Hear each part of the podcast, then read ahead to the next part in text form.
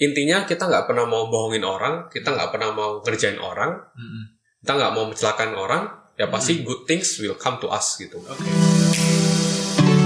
Karena semua dimulai dari langkah pertama. Halo guys semuanya, para pendengar podcast langkah pertama. Apa kabar semuanya? Semoga semuanya sehat selalu ya. Saya hari ini ditemani host ganteng kita, ya. Halo. Halo, Ya, Wilson. Wilson. Ya. Nah, hari ini kita ngapain, Son? Hari ini kita kedatangan tamu. Hmm, Nah, tamunya? kebetulan tamu kita ini dia salah satu host kita juga. Oh, nah, jadi oke. untuk teman-teman yang belum tahu ini sebenarnya eh, langkah pertama ini kami memiliki tiga host yaitu Ben, Wilson dan satu lagi si Kelvin. Mm-mm. Nah, kebetulan Kelvin ini dia bergerak di bidang F&B. Oke. Nah, cool. jadi eh, pengalaman dia si Kelvin ini juga bakal bisa berguna nih buat Iya. teman-teman pendengar kita. Iya, iya. Ya kan, Ben? Iya. Uh, jadi tanpa berlama-lama lagi, kita langsung kenalin saja. Kelvin. Namanya Kelvin Lukman. Halo semua. Nah, halo Kel, gimana kabarnya Kel? Ya sehat-sehat gini lah, masih Ya. pandemi kayak gini. Kita masih jumpa aja, jumpa lagi. Iya. Jadi, Gimana rasanya jadi narasumber? Ah. Agak Kali deg-degan nih Biasanya hari kan ini. Gak ada host. Bisa nge-host, ya bisa ditanya. Sekarang menanya. Ah, jadi saya cerita sedikit tentang si Kelvin. Kelvin ini merupakan salah satu host. Selain merupakan salah satu host, uh, Kelvin juga ada memiliki uh, di bidang bisnisnya itu satu bidang bisnis chemical dan Yes. satu lagi juga di bidang bisnis F&B. Ya. Nah, ki, untuk untuk episode kali ini kita bakal uh, lebih bahas mengenai bisnis F&B-nya. Di mana Oke, bisnis F&B-nya ini udah melebihi dua tahun ya, dua atau tiga tahun. Udah mau gitu. tiga tahun lah. Udah mau tiga tahun. Wah, Wow. Udah keren lama keren. ya. Nah, jadi nama brandnya ini adalah Super Slurp. Yes. Super Slurp uh, suatu minuman yogurt ya, Kel ya. Ya, kita semua minuman yang berbasis yogurt. Berbasis yogurt.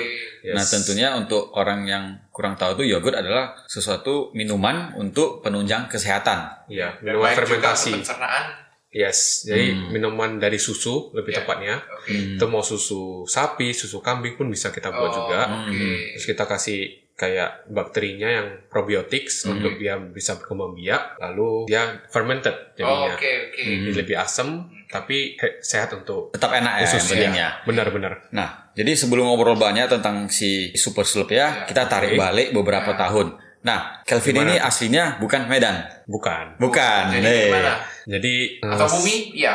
Apa? Bumi, masih bumi ya? Masih di bumi oh, sih. Iya, iya. masih di Indonesia tanah Ah. air. Nah, asalnya dari mana, Kel? Jadi saya lahir di Surabaya. Hmm. Wow. Hmm. Jawa dong. Orang Wong Jawa. Eh. Aslinya Wong Jawa. Oh, aduh. Tapi Jawa di sini. saya pindah Medan tahun 2006. Mhm, mhm, 2006. Dan habis itu itu masih SM mau naik SMP kelas 3 waktu itu. Mhm. Jadi pindah ke Medan. Ah. SMP kelas 3 sampai tamat SMA saya masih di Medan. Hmm. Mhm.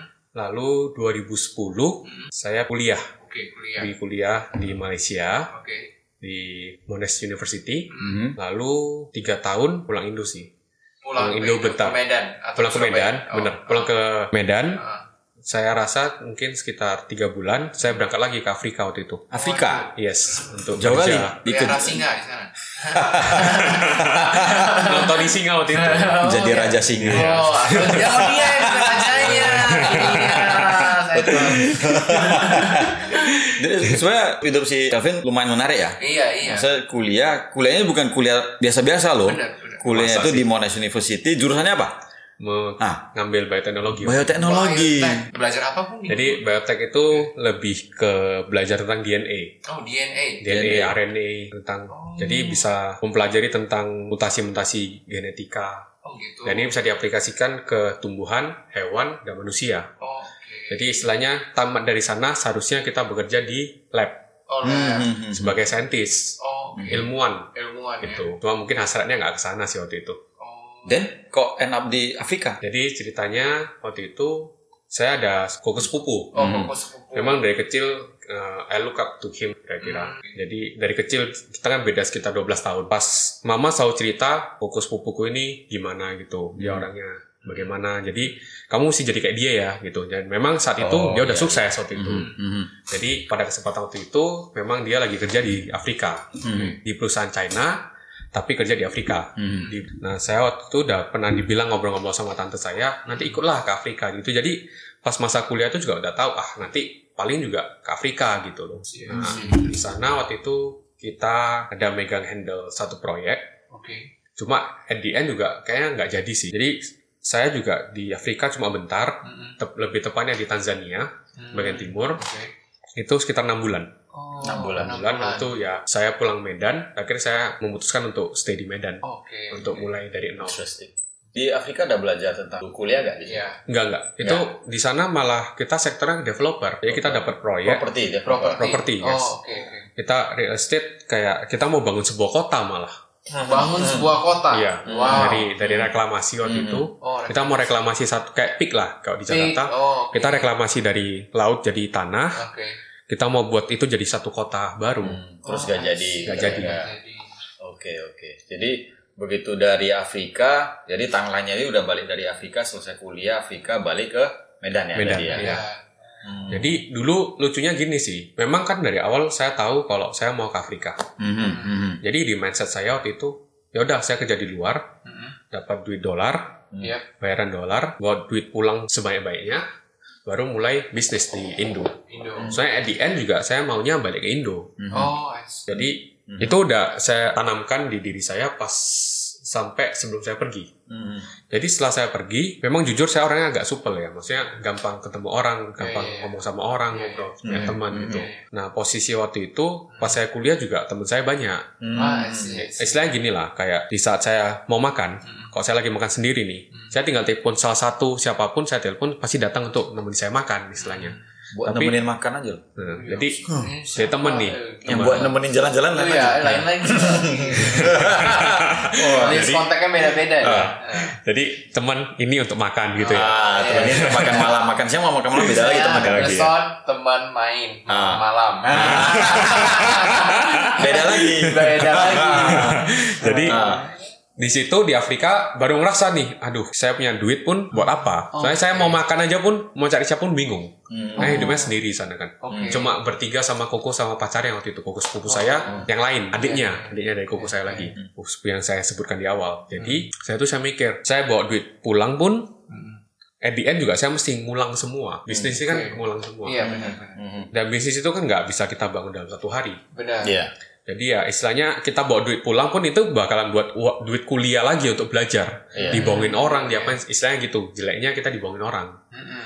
Nah di situlah baru kita mulai. Jadi pas kesempatan juga 6 bulan waktu itu disuruh pulang dulu karena ada masalah teknis sedikit. Jadi saya di situ saya pas saya pulang saya mikir apa gunanya kalau saya pulang dengan banyak duit toh akhirnya juga mesti bangun network, network lagi Hmm. Oh, bangun Jadi, networknya ulang ya. bisnis ya kita kok Oke. bisnis di Indo kan Iya, iya. jadi saya terakhir saya memutuskan udahlah saya nggak mau keluar lagi saya stay di Oh, Medan aja oke. gitu lebih bagus saya sekarang nggak punya duit pun saya mulai dari awal tapi at the end of the day misalnya contohnya saya mau di luar 7 tahun di awal ya by the time saya 7 tahun mulai dari sekarang 7 tahun lagi saya menang di mana mungkin capital saya nggak sebanyak Menang di social capital. Nah, tapi saya menang di social capital. Oh. Saya lebih banyak network di sana. Hmm. Jadi saya nggak perlu ngulang. Mungkin saya lebih bagus saya kan ada bohongin Iya. di awal. Lagi pas gak ada duit saya dibohongin dibanding saya punya banyak duit tapi dibohongin terakhir habis juga ludes. Iya. Gitu. Mulai Jadi aja situlah memang. saya pikir udahlah saya decide untuk oke Balik. saya stay. Ya. Dilema gak waktu itu? Eh, lumayan firm sih keputusan waktu itu. Soalnya Oh, pas karena udah merasakan ya. Jadi waktu itu udahlah saya putuskan untuk stay dan saya mesti tinggalkan saya mesti let go itu. Jadi kalau dilema sih kayaknya nggak gitu sih. Hmm. Jadi sekarang ada nyesel nggak ngambil keputusan? Enggak sih. Oh enggak. Cowok Soalnya- sejati. Sejati. Soalnya Hmm. saya cukup yakin Heeh. keputusan itu nggak ada yang benar atau ada yang salah. Heeh. Soalnya setiap manusia itu kan mau- ketika membuat keputusan itu di saat waktu itu faktor-faktornya di saat itu juga. Ya. Kita nggak bisa forsi 10 tahun ke depan bagaimana enggak. Benar. Tapi di saat saat itu juga kita ngambil keputusan itu kenapa? Heeh. Kenapa sih banyak faktor-faktornya itu? Benar benar. Dan saya cukup yakin semua orang itu nggak pernah melakukan kesalahan ngambil desisi. Itu selalu di saat waktu itu itulah yang paling tepat. Mhm. Soalnya kita bukan cenayang, kita nggak bisa prediksi masa Hmm. depan. Mhm. Oke. Gitu. Jadi dari kejadian itu yang waktu selesai masa-masa kuliah itu di Afrika Hmm. itu kan berarti si Calvin ini udah punya jenis pemikiran yang lumayan dewasa lah pada Ya. waktu itu. Nah, kira-kira dari usaha decision making di Iya. usaha bisnis sekarang itu terpengaruh gak dengan eh, pemikiran yang kemarin itu gitu? Eh, memulai sesuatu bisnis di Medan di saat ini Kalau- misalnya untuk disebut super slot lah istilahnya. Kalau prinsip sih sama, tetap sama. Tetap sama. Sama. tetap sama. Cuma memang ya seiring waktu kita belajar ketemu banyak orang, belajar lebih banyak, Mhm. adalah shifting sedikit. Mhm. Cuma ya tetap prinsip utamanya, core-nya itu tetap sama sih. Hmm.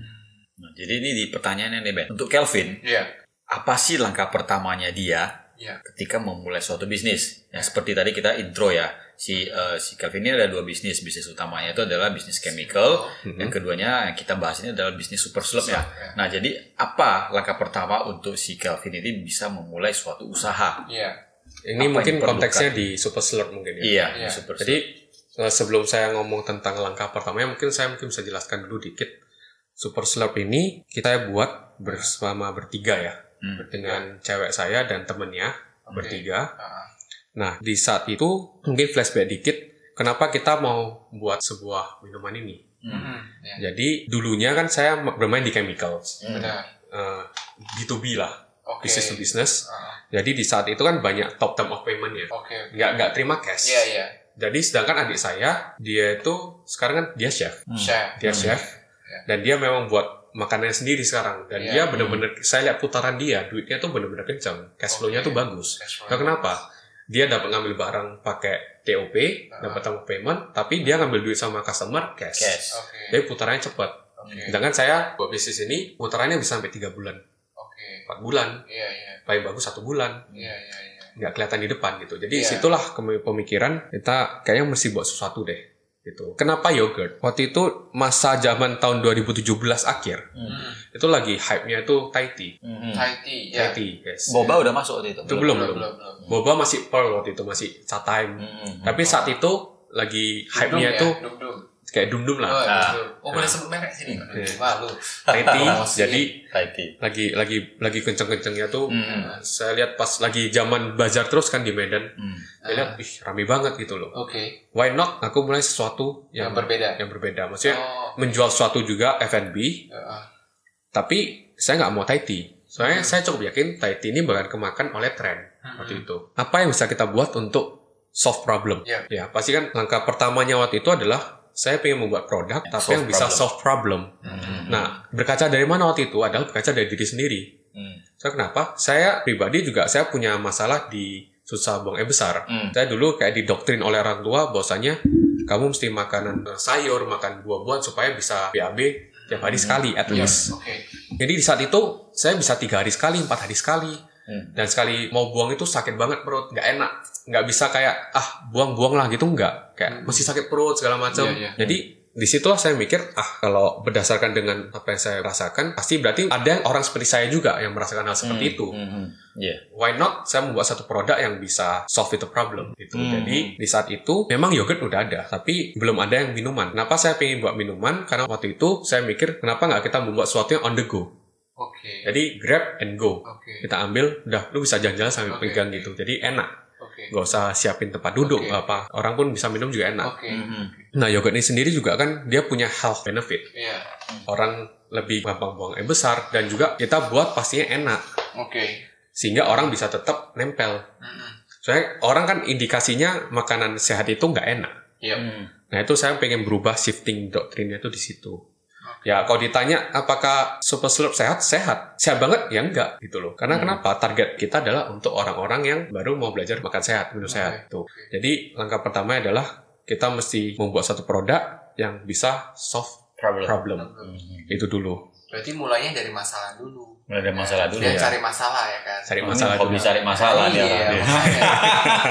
Iya, Nah. iya. Terus mungkin yang selanjutnya adalah finding good partners. Oh, finding good partners. Ini, ini penasaran gua. Iya. Maksudnya gimana meyakinkan partners lu ini Hmm. eh kita buat yogurt dong gitu ya sedangkan apakah di dua partner kamu ini ada background yogurt sebelumnya atau Enggak. Jadi ya? gini, gimana yang lu convince them Iya, gitu? jadi awalnya pas lagi bazar, kenapa saya terbuka dengan dunia bazar? Satu karena adik saya, adik ya karena dia juga jualan di bazar juga, saya kelihatan kan cash flow-nya di sana kan kelihatan. ya Terus yang kedua adalah karena pas cewek saya waktu itu juga sama temennya ini buat minuman juga jualan di bazar. oh I see Dia ya. repacking minuman apa coconut, coconut oke water, air kelapa gitu air ya. kelapa, oke dia repackage jadi Oke. cantik oh. dan on the go juga. oh oke Nah. Bedanya Iya, iya. dia bilang, oh ini inspirasinya waktu itu dari Singapura. Tapi yang kita tahu sendiri Singapura kan akses untuk ke air kelapa itu kan susah. Iya benar Jadi mereka buat seperti itu ya cocok untuk di market sana. benar Nah, itu posisinya di Singapura pas waktu enggak buat di, itu? di Medan. di Medan, ya, ya. Mereka udah mulai bazar. Oh, Memang oke. ya secara revenue, secara marketnya bagus. Oh, oke Tapi di bazar ya. Iya, iya. Nah waktu itu saya bilang, why not kita buat sesuatu yang bukan cuma di bazar dan jangan Mhm. cuma termakan oleh tren. Ya, ya. Ya anggapan gini, paling gampang adalah akses kita untuk ke kelapa itu sangat mudah untuk di Medan. Betul. Iya, iya, iya. iya, Ya, benar. terus chef life dari kelapa ini kan Panjang. paling cuma dua hari. Kalau udah dibuka ya, Oh, udah dibuka dan kita repackage. Oh, Kayak kita repackage, iya, kita ke ke botol-botol. Itu tahan dua hari juga. Itu tahan dua hari kalau di es, kalau di di chiller. Tapi kalau enggak, Kalau enggak itu satu hari udah lagi ya? udah basi. oh, Cepat ya, oh ya biasa kan langsung dari batok kelapa. Nah, biasanya kan kita buka batok, Iya. langsung kita minum dari sana makanya Iya. fresh. Oh, Kalau kita udah repackage iya. kan berbeda. Oh. Dan itu apalagi udah ditambah Oh, kayak rasa-rasa, lime segala macam kan pasti Iya, chef iya, life-nya iya. lebih pendek. Oh, Jadi saya bisa. bilang ini cocok untuk bazar. Dunia bazar ini cocok Iya. minuman seperti ini. Soalnya kadang orang terlalu banyak pilihan, mereka mau minum seger-seger ngambil buka minum Iya. gitu. Ah, itu cocok. Benar. Cocok. Ah. Tapi kalau misalnya kita mau buka di mall Hmm. atau buka yang tiap hari jualan, Hmm. itu nggak bisa. Soalnya kenapa? Harga udah pasti berbeda. Iya, benar. Dan secara skala, kita secara mata kita lihat, kalau Hmm. kamu lihat batok kelapa gitu besar, walaupun dalamnya kecil, Iya.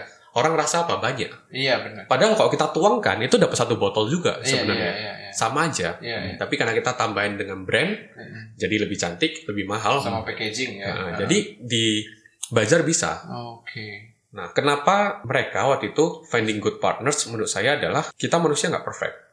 Iya, benar. Kita pasti punya kelebihan dan kekurangan. Mm-mm. Nah, carilah orang-orang yang bisa kom- complement each other.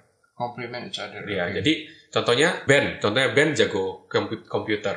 Ah. Dia programming jago. Ah. Ngapain gua compete ke dia untuk buat programming juga? Oke. Lebih bagus ya kita serahkan sama Hmm, Ben. Ben, bagusan. kamu buat semua. Hmm. Ngajak, ngajak partneran. Ya, Cari gitu. orang yang value berbeda Iya. dengan kamu. Yang penting satu visi satu misi. Hmm. Iya. Ya, dan poin ketiga mungkin ya itu visi dan misi. Di awal itu mesti kita partners itu kan harus ada visi sama misi dulu. Oke. So kenapa? Kalau misalnya contohnya apa?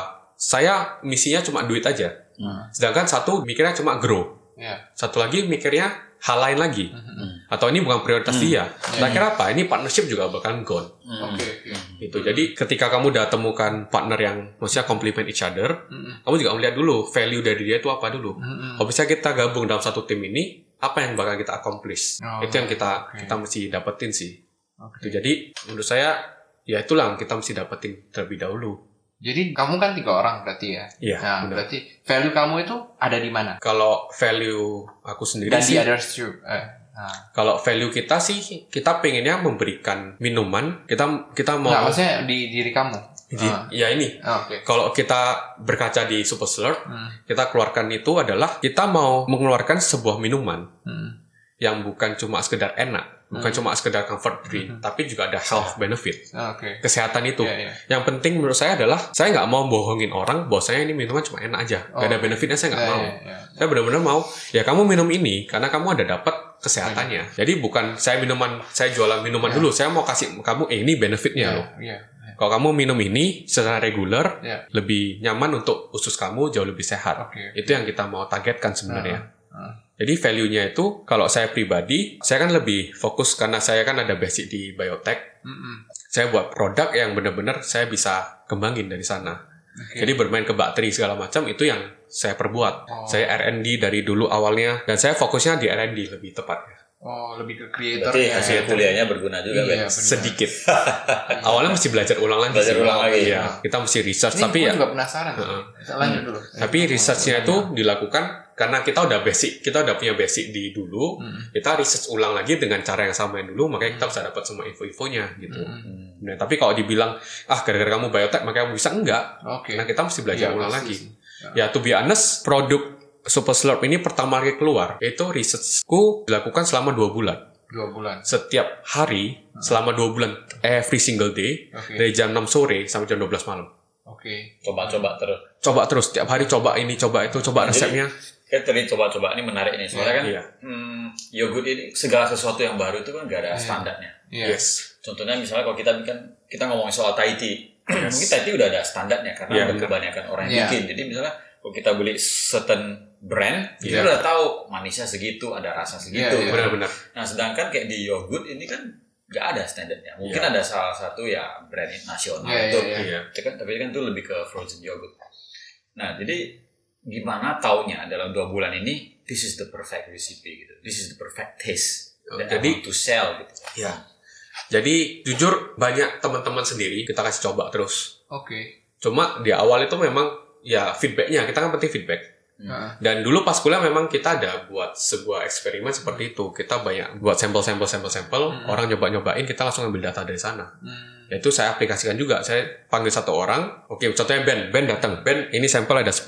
Kamu coba, kamu coba sebutkan apa karakteristiknya. Jadi di situ risetnya semua saya ambil dari sana. Oh kurang ini, kurang itu segala macam. Oke, next Wilson. 10 itu Masuk. rasanya beda-beda atau gimana? Misalnya Ya, ada di tweak resepnya. itu udah berat udah ada rasa atau Udah kayak yo- pure yogurt. Udah ada rasa. Kan kita final product kita kan yogurt Oh, drink waktu itu. iya, iya. Ya kita buat ada rasanya, nggak ada. Nggak, Basicnya plain, ada. plain. Cuma plain. kan kita mau dapetin firmnya atau lemaknya atau Creamy-nya proteinnya gitu-gitu kerasa, ya. creamy-nya. Oh. Nah, di situ kita cek semua. Oh, oke. Jadi saya buat 10 sampel, Oke. di sini mungkin lebih creamy, sini lebih apa. Jadi kita coba kerucutkan mana yang dapat, terakhir dapat lah. Market demand-nya. Nah, Oh, jadi. Saya mungkin ada coba sekitar 20 orang ya, 20 30 orang. Oke. Kita ngambil data-datanya, Mhm. kita cek kayaknya pengen cocok. Ya pastinya kan cocok ke lidah kita dulu. Iya, iya benar. Ya kan kita tahu nih dari 1 1 sampai 10 sampel yang saya paling suka misalnya sampel ke-6. Iya. Kita mau lihat dari mereka reaksinya bagaimana. Mhm. Rupanya benar, kira-kira di 6 atau apa nah. Ketika ada orang input kan setiap orang kan berbeda-beda. Mhm. Satu orang ini suka yang nomor satu, Hmm. ada yang suka nomor 10, sedangkan saya suka nomor 6 nih. Iya. Gimana kita kerucutkan supaya mendapat yang taste yang maksudnya bisa hampir semua orang bisa suka. Oke. Tapi kalau kita mau pastikan semua orang suka nggak bisa Oke, Hmm. oke. gitu. Iya, iya. Jadi lebih tepatnya kita mulai dengan market research dulu sih. Market research. Heeh. Kita buat satu produk. Ya tuh selama dua bulan itu bener-bener kayak tiap malam every single day kayak gitu terus Sabtu Minggu. Iya. Eh sorry Minggu itu dari pagi sampai malam. Oke, oke. Jadi selama dua, dua bulan itu kayak kayak orang orang nggak tahu dunia. Oke. Selesai sampai kita dapat stop selesai kita dapat kan. Semua udah taste good, udah udah mau semua. Saya langsung bilang sama cek saya, udahlah yuk ngedit dulu lah, Hmm. pergi nonton. Oh, jadi filmnya apa? Jangan lupa waktu itu kayak. Berarti di sini menarik ya Ben ya. Jadi kalian Iya. ini setiap percobaan selama dua bulan itu dicatat dong. Iya, catat. komposisi, komposisi ini, benar. ini, ini gitu. Oh, tunggu. Ini gua be- belum terjawab pertanyaan gua Iya, iya. sebenarnya. Jadi gua pengen tahu. Hmm. Tadi kan value lu itu sebagai creator, sebagai inventor, sebagai R&D ya. Iya, nah, iya. di others tuh gimana? gitu? Ah, Karena kan bagian kamu apanya? nah, bagian apa? Maksudnya value yang mereka Oke. uh, kontribusikan Ya tadi super- super lupa lupa sorry apa? sorry. Jadi kalau saya kan sisinya kan di bagian R&D ya. Iya. Kalau cewek saya kan dia tuh orang ID sebenarnya, interior design. Oke. Jadi- lebih ke kreatifnya. Lebih kalau secara mata desain, Ah, saya pun nggak ngerti. Oke. Ya mata mata orang yang matanya bagus, istilahnya orang mata bagus itu kan dia bisa ngeliat desain visualnya itu bagus bagaimana. Nah si Wendy ini cewek saya, dia orang ID, orang interior Interior design, design? Ah, tapi bukan graphic designer, tapi mata dia bagus. Oke. Jadi ketika dia lihat sesuatu, ini bagus nih, makanya dia lebih fokus ke visualnya, Visual. Oh, brandingnya, visual. dia yang menentukan semua, kreatifnya ya. kreatifnya Ah, benar. Oke. ah. Jadi dia yang bukan bukan dia yang graphic designernya, ya. tapi dia yang untuk oke saya mau seperti ini, saya mau seperti Iya, ini. iya, oke. Dia yang buat brandnya. Makanya kalau kamu lihat brand Super Slurp bisa seperti ini ya karena dia Karena gitu. dia. Oke. Karena mata dia yang menentukan semua Oke. gitu. Nah, another one si Felicia, Oke. dia lebih ke operasional Operational. Dan dia pun memang basicnya ke bisnis. Oke. Dia tamatan bisnis juga. Oke. Jadi operasional banyakan dia yang pegang. Hmm. Komplit lah ya jadinya. Komplit. ya. Jadi ya komplit. kita complement each other sebenarnya. Oh, oke. Memang banyak ya argumen segala macam, tapi ya itu kembali lagi ketika kita punya clear vision dan mission, Hmm. itu kita kalau bisa stick to that, Hmm. kita bakal dapat solusinya. Iya. Hmm. Itu iya. memang ya saya bilang bukannya kita selalu manis nggak ada argumen enggak, Iya. selalu ada argumen. Selalu ada. Iya, benar. Jadi ya itu yang selalu kita lakukan. Kita tetap stick to our vision and mission. Kita berdasarkan dari sana baru kita menentukan solusinya. Oh, Gitu. berarti yang dibilang tadi value-nya harus berbeda-beda kalau mau bangun Iya, satu benar. bisnis ya. Benar. Kalau saya rasa bukan value sih. Value lebih kurang sama. Oke. Iya. Justru Lebih uh, skill setnya. Skill Skill set, set, ya. skill iya, setnya. skill Skill set, set. iya, Ah, iya. kalau value harus sama lah ya, Sama, mirip. ya, mirip. Justru di visi misi itu kan misi misi itu adalah value, value Iya. satu perusahaan. Benar. Skill setnya mesti Oh, berbeda, Iya, Iya, iya, iya. value-nya Benar, sama gitu loh. Jadi Benar. bagus bagus menarik. Berarti Kelvin orangnya telaten banget. Iya. Bisa satu-satu komposisi ditulis. Iya, Kalau iya. jujur, Dicoba. sih gak bisa gitu. Iya. tes lima udah gue udah tes lima, ha ini udah, ini udah the best nih, udah the best nih. ya. Ke bawah, ke bawah dari 10 kuliah ya dulu tadi ya, soalnya. 10 Ada atau dua. 20? 10 ya? Saya rasa kalau mau dibilang berapa sampel ya Ah. dibuat ya? Saya rasa ratusan. Waduh. Ratusan sampel yang saya buat campuran ini kurang ini dikit kurang ini Kayak tambah ini. untuk selama eksperimen itu si Kelvin gak bakal susah BAB lagi. Iya. Iya, yes, yes.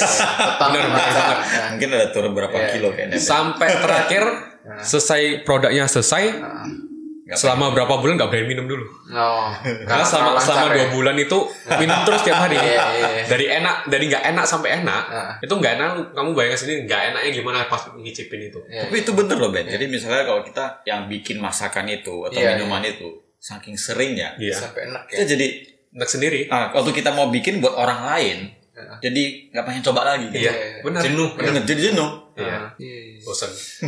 Bukan bukan berarti nggak enak, tapi Mungkin- karena kita udah terlalu terbiasa, jadinya nggak. Kita udah tahu gak ada spesial lagi gitu, jadi ah udah biasa. Mungkin. Iya. Hmm. Oke. Eh, nih, aku ada pertanyaan lagi. Penasaran banget sih ini. Hmm. Nah, ini kan kamu dari background biotech tadi ya? Yes. Ya. Nah, yogurt itu yang kita tahu, Wilson, itu kan susu fermentasi, benar? Iya, benar. Nah, itu berarti kan ada bakteri. Iya. Nah, ini secara teoritikal Iya, ya, iya, iya. saya kurang paham ya soal ini. Gimana sih kamu bisa dapat bakteri-bakteri itu? Apa- Maksudnya gimana kamu identifikasi ini bakteri ini bakteri baik Hmm, kan? hmm. Apa kamu Iya, ternak bak- bakteri atau gimana kamu beli di apa toko ikan? Kan Nggak, kalau nggak, ikan kan beli beli ikan kan? Ini Iya, toko bakteri ada nggak ya? Nggak ada. Oh nggak ada. Jadi gimana? gini, sebenarnya bakteri ini sudah ada suppliernya. Oh ada supplier. Ada suppliernya. Oke. Jadi supplier ini memang dia tuh big company yang memang supply untuk kayak yang jualan yogurt. Jadi secara nggak langsung bakteri ini kan harus yang tepat. Hmm, iya benar. Jadi Ah, di dunia kan banyak banyak banyak banget bakteri. benar. Di udara gini aja kita ngobrol juga semua bakteri. Benar. Ah, Nah, kenapa kita bisa membuat yogurt? Sebenarnya dalam susu sendiri. Ini Iya. kan saya ngomong konteksnya susu ya, Iya. susu sapi. Iya. Saya buat yogurt kan dari susu sapi.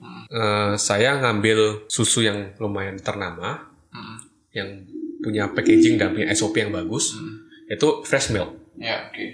Nah dari situ, ketika kita buka Iya. susu tersebut, itu ketika udah terekspos sama udara, itu semua ada bakteri. Oke. Iya. Jadi gimana kita memilih bakteri yang bagus untuk tumbuh dan bakteri jelek yang kita bunuh, Iya, misalnya iya, begitu. ah, Nah itulah ada sistemnya pasteurisasi. Oke. Pasteurisasi mungkin kalau kamu mungkin teman-teman boleh lihat sekarang agak ke supermarket, lihat lihat apa tabel susu. Dari situ ada susunya pasteurized, pasteurization atau UHT, Iya. ultra high temperature. Oke. Ada dua tipe. Itu adalah sistem untuk membunuh kuman-kuman Iya, sebenarnya. iya. Jadi pasteurisasi itu adalah kita memanaskan susu tersebut sampai di suhu 80 sampai 85 derajat. Oke. Kita tahan suhu tersebut sampai selama 30 menit. Oke. Itu untuk apa?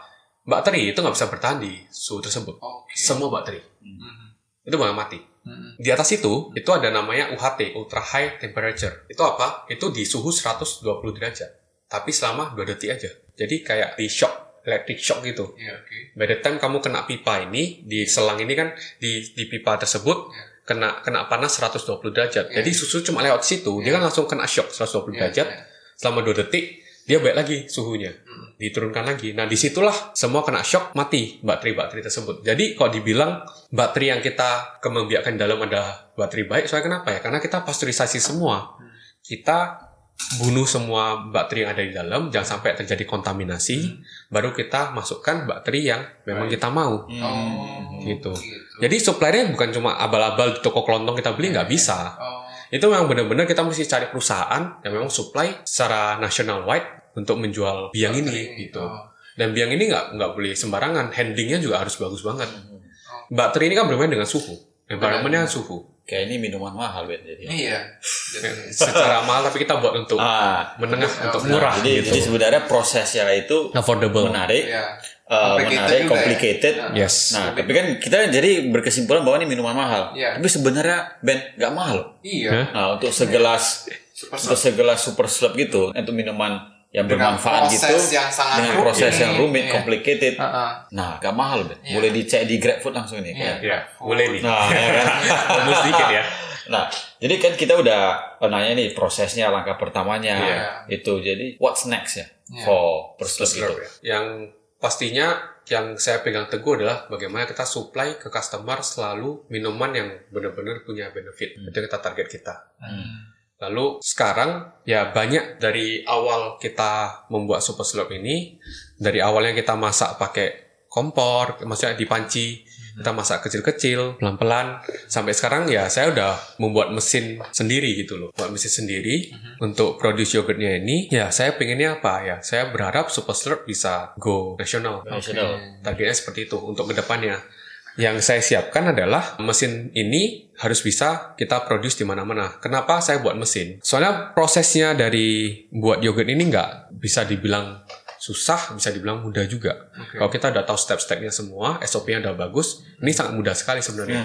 Waiting game sebenarnya istilahnya. Misalnya kita mau masak susunya sampai suhu sekian, kita mau turunkan suhunya, Iya. kita mau inkubasi selama berapa belas jam. Setelah itu kita mesti keluarkan, kita mesti campur lagi, racik Iya, lagi. iya, iya. Ini kan prosesnya ada. Iya. Jadi selama dua tahun ini memang saya habiskan waktu untuk R&D supaya SOP ini jelas. Iya. Lalu dengan terakhir ini saya udah buat satu mesin yang benar-benar saya sangat mudah lah untuk diaplikasikan, untuk diimplementasikan, sehingga siapa pun dengan ngikutin SOP yang benar aja, ini udah pasti jadi yogurt. Jadi ke depannya sih kita pengennya sih kita pengen jual franchise sebenarnya. Oke, franchise. Eh, kenapa franchise? Kita bukan cuma sekedar pengen cari franchisee sih. Iya. Kita pengen cari partner sebenarnya. Oke. Partner yang punya satu visi dan satu misi. Kembali lagi, satu visi dan satu visi dengan kita. Saya nggak mau sekedar orang yang mau cuma sekedar, saya mau cari duit. Berapa sih keuntungan dari kamu? Saya nggak mau. Hmm. Tapi saya mau cari orang yang partner, seorang yang memang dia pun punya healthy lifestyle. Dan dia bisa appreciate tentang health benefit. Atau health eh, healthy lifestyle yang tersebut lah. Jadi ketika dia punya itu, dan kita mau sokong dengan, nah ini bisnis, ini bisa untuk kamu gitu. Jadi kita nggak mau orientasi kepada uang, tapi kita mau orientasi kepada bagaimana kita serve the community better gitu. Jadi setiap orang bisa mendapatkan kualitas yang sama. Sebenarnya paling gampang saya mau cari duit gampang, ya udah. Pokoknya saya mau aja. kamu beli semua bahan bakunya yogurt dari saya. Saya nggak mau kasih kamu mesinnya Iya, gitu. iya, iya. Tapi kenapa saya mau kasih kamu mesinnya? Karena mesin tersebut kamu bisa buat fresh. Hmm, Oke. Customer juga bisa langsung menikmati secara fresh. Oke.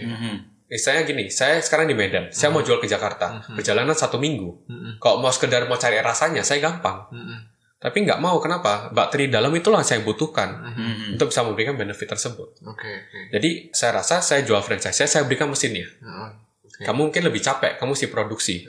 Tapi ketika kita punya satu visi, satu misi, orang tersebut, yang saya cukup yakin kalau kita sudah jumpa franchise yang dia memang punya pandangan sama, dia rasa itu nggak bakal sulit. Mhm. gitu. Jadi mesin-mesinnya itu saya buat dan mereka bisa buat sendiri yogurtnya. Jadi sampai ke customer itu benar-benar benefitnya nyampe. Oke. Tuh. Dan kenapa kita nggak mau pasteurisasi lagi tadi? Kita ngomongin pasteurisasi. Pasteurisasi kan kita membunuh eh, bakteri-bakteri. Ah. Nggak nggak bukan bakteri jahat aja, baik mungkin Bakteri, dibunuh. bakteri yang tadinya ada ya. Semua yang bakteri dalam itu dibunuh Iya. bisa. Nah di yogurt sendiri setelah kamu jadi yogurt Oke. itu kan full probiotics Iya benar. ya bakteri. Iya. Mau kita pasteurisasi bisa. Heeh. Kita bunuh semua. Kita masak kembali, Hmm. dipasteurisasi kembali. Ya dia mati. Hmm. Paling berbeda sisanya apa? Byproductnya. Itu maksudnya rasa asamnya, rasa kentalnya Hmm. itu tersisa. Tapi probioticsnya itu udah Nggak ada mati. lagi. Nggak ada lagi. Jadi Manfaatnya hilang. ya? Oh. Kamu cuma merasakan oh asam ya, Iya. seger ya. Iya. Tapi ini kamu nggak merasakan probiotics dalam usus yang kita Oh. nggak bisa lihat ini nggak nggak terasa lagi. Oh, Makanya kenapa saya memilih untuk ya udah lebih bagus orang langsung membuat di tempat Oke. gitu. Jadi benefitnya langsung kena ke customer. Oke. Oke. Itu sih. Kita lebih targetnya ke sana. Quality-nya, quality control Quality, ya. yes. Ya, benar. Nah Ben, tadi kan sebelum waktu acara kita ini saya sempat ngobrol-ngobrol kan sama si Kelvin kan. Kan dia tadi di Iya. ini baru ngomongin bahwa dia pengen cari franchisee gitu-gitu Iya. supaya dia Iya. under, understatement. Iya. Why? Karena sebenarnya udah ada calon-calon franchisee. Iya, benar. Banyak antriannya. Iya. Cuman ya kebetulan di musim pandemi ini jadi para calon yang- franchise ini ada sedikit wait and see Iya. dan kemudian pun pas Kelvin orangnya picky. Oh. Nah, jadi dia pengen Iya, iya. franchisee yang seperti tadi dia bilang kan franchisee yang bisa cocok, gitu loh. Cocok, ya. More than just a franchisee Benar, gitu. benar, jadi iya. pengen cari partner yang paham konsep lifestyle Iya, dengan healthy lifestyle yogurt gitu. drink. Oke. Dan value-nya juga Nah, mesti dapat sih. Iya. Dan value bisa dapet. Iya. Ya benar. Jadi ya itulah salah satu idealisme si Kelvin kan dia pengennya sesuatu yang bermanfaat dulu. Iya. Iya. Ya kan jangan ngomongin profit-profit dulu. Iya, profit. Seperti kita kalau tahu kan Ben, kalau kita banyak lah sekarang banyak orang ada bisa usaha dikit aja. Iya. Nanya profit dulu. profit dulu. Iya. Habis itu kapan? Ini Benar. mau Grow-nya. rencana Iya. franchise nih, mau rencana Iya. franchise nih. Nah itu. Jadi yang dicari Calvin ini beda. Mm-mm. Uh, that's why langkah pertamanya si Calvin itu berbeda dari satu narasumber ke narasumber yang lain. Hmm. Iya kan Ben? Iya benar. Ya, rasa nggak gitu Ben? Berasa banget. Rasa Mungkin banget. yang lebih tepatnya karena aku sendiri pengen brand ini juga bertahan lama. Hmm. Oh. Dia bukan sekedar kayak termakan tren, Oke. lima tahun habis saya nggak mau. Oh. Aku maunya ya long lasting. Hmm. Karena kenapa ya? Kita mau jual apa? Kita mau solving others problem, Iya. Mhm. gitu. Dan ya jujur ya beruntung juga kita untuk edukasi ke masyarakat juga agak mudah. Soalnya zaman sekarang Hmm.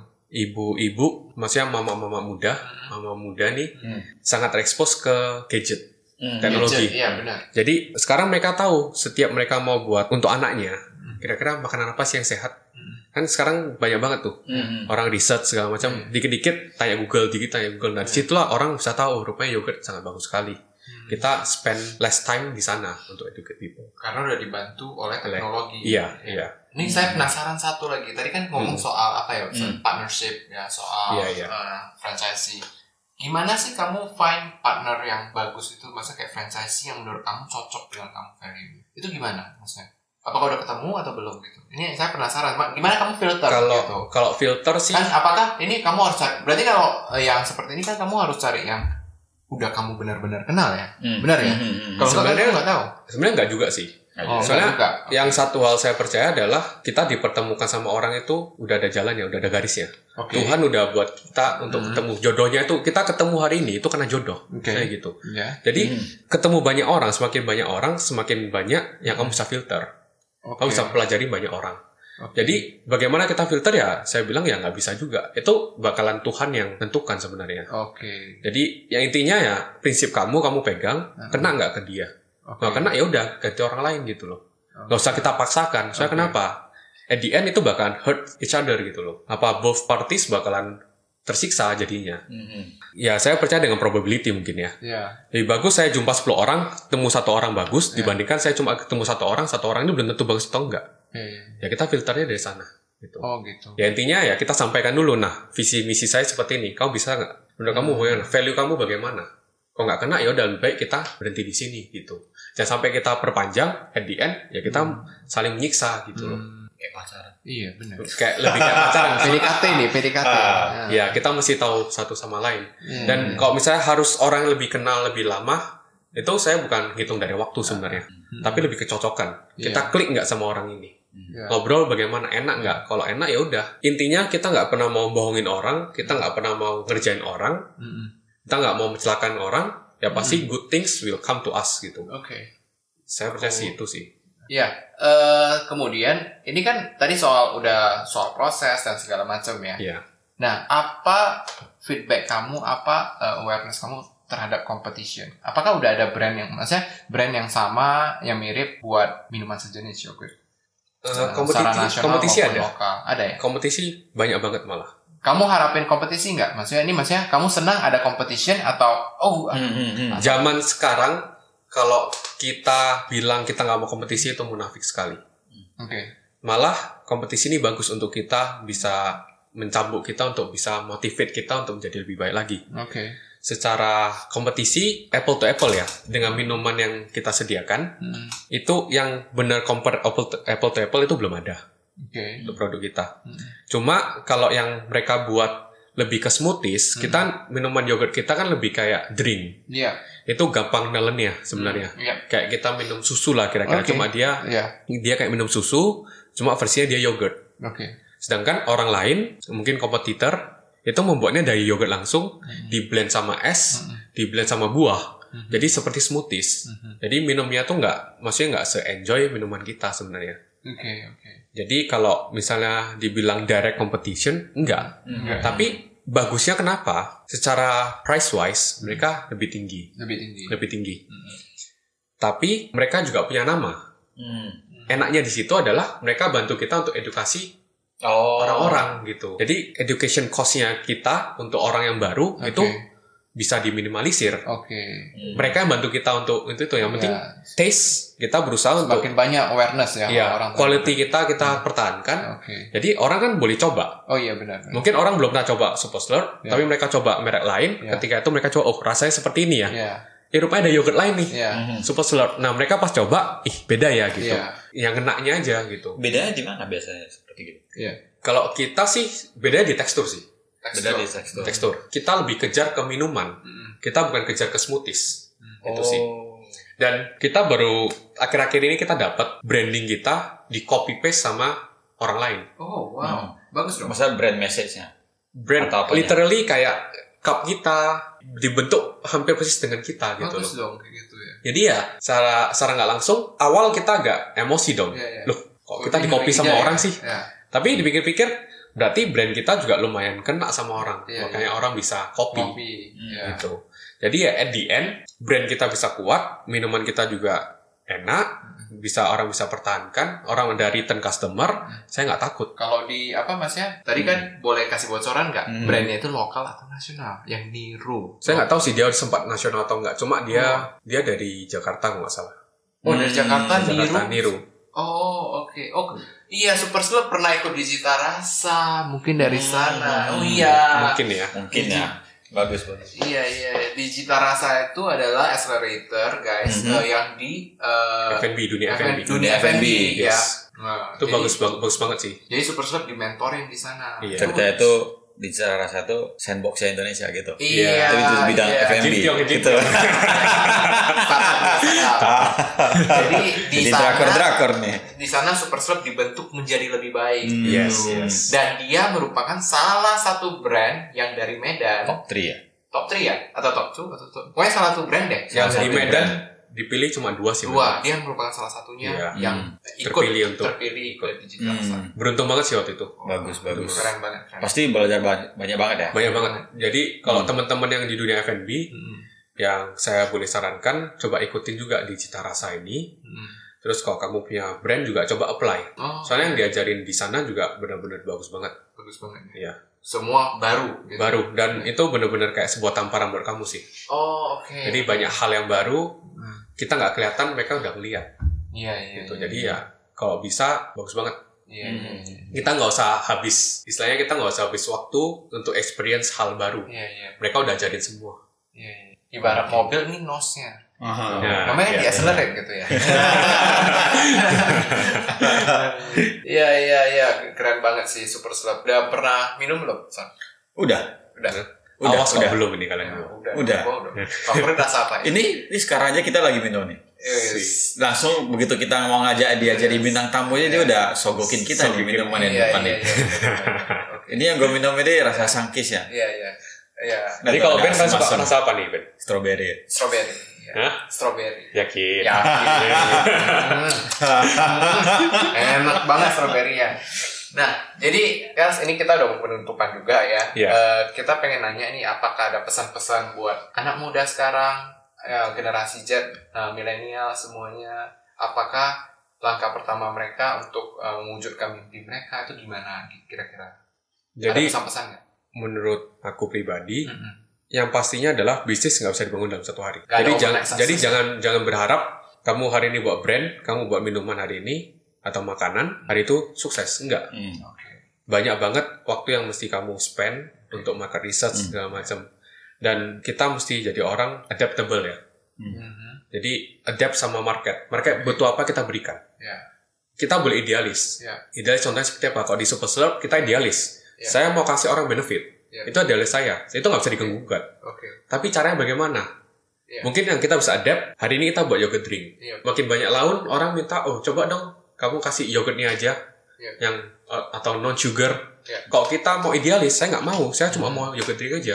Kita mesti adapt. Mm-mm. Ketika market meminta, kita berikan. Gitu. Jadi tetap kamu mesti idealis, kamu mesti punya pegangan prinsip kamu, Mhm. tapi kamu juga mesti bisa adapt ke itu, ke environment. Fleksibel. Market. fleksibel. Iya.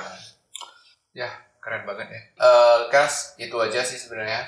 Ya, Ya, nggak itu aja. terasa, Cukup. Gak terasa Ya, juga nggak udah. terasa juga sih. Pengen lanjut sih sebenarnya. Boleh nggak kita manjangin lagi sekalian? Cuma waktunya si Iya, Kelvin nggak bisa iya. tuh. Ya. Ada acara ya, lagi sibuk. Gila. Kalau Kalian nggak yang ini kita sibuk atau manjangin. saya yang sibuk? kalian kalian jadi ya semoga Kels ya sukses terus untuk Thank you, Super thank you. Ya. Thank you. Semoga langkah pertama juga bisa membantu Super Slug ya untuk Bisa ya, mencarikan- mengedukasi iya, ya. mencarikan calon-calon franchise dan Iya, juga franchise juga, edukasi mengedukasi soal masyarakat. benefit dan dari, dari yogurt. yogurt Iya. ya Ya, itu aja. itu aja Saya Sa- Ben. saya Wilson Dan saya Calvin. kita jumpa lagi di episode berikutnya di langkah pertama see you bye Bye.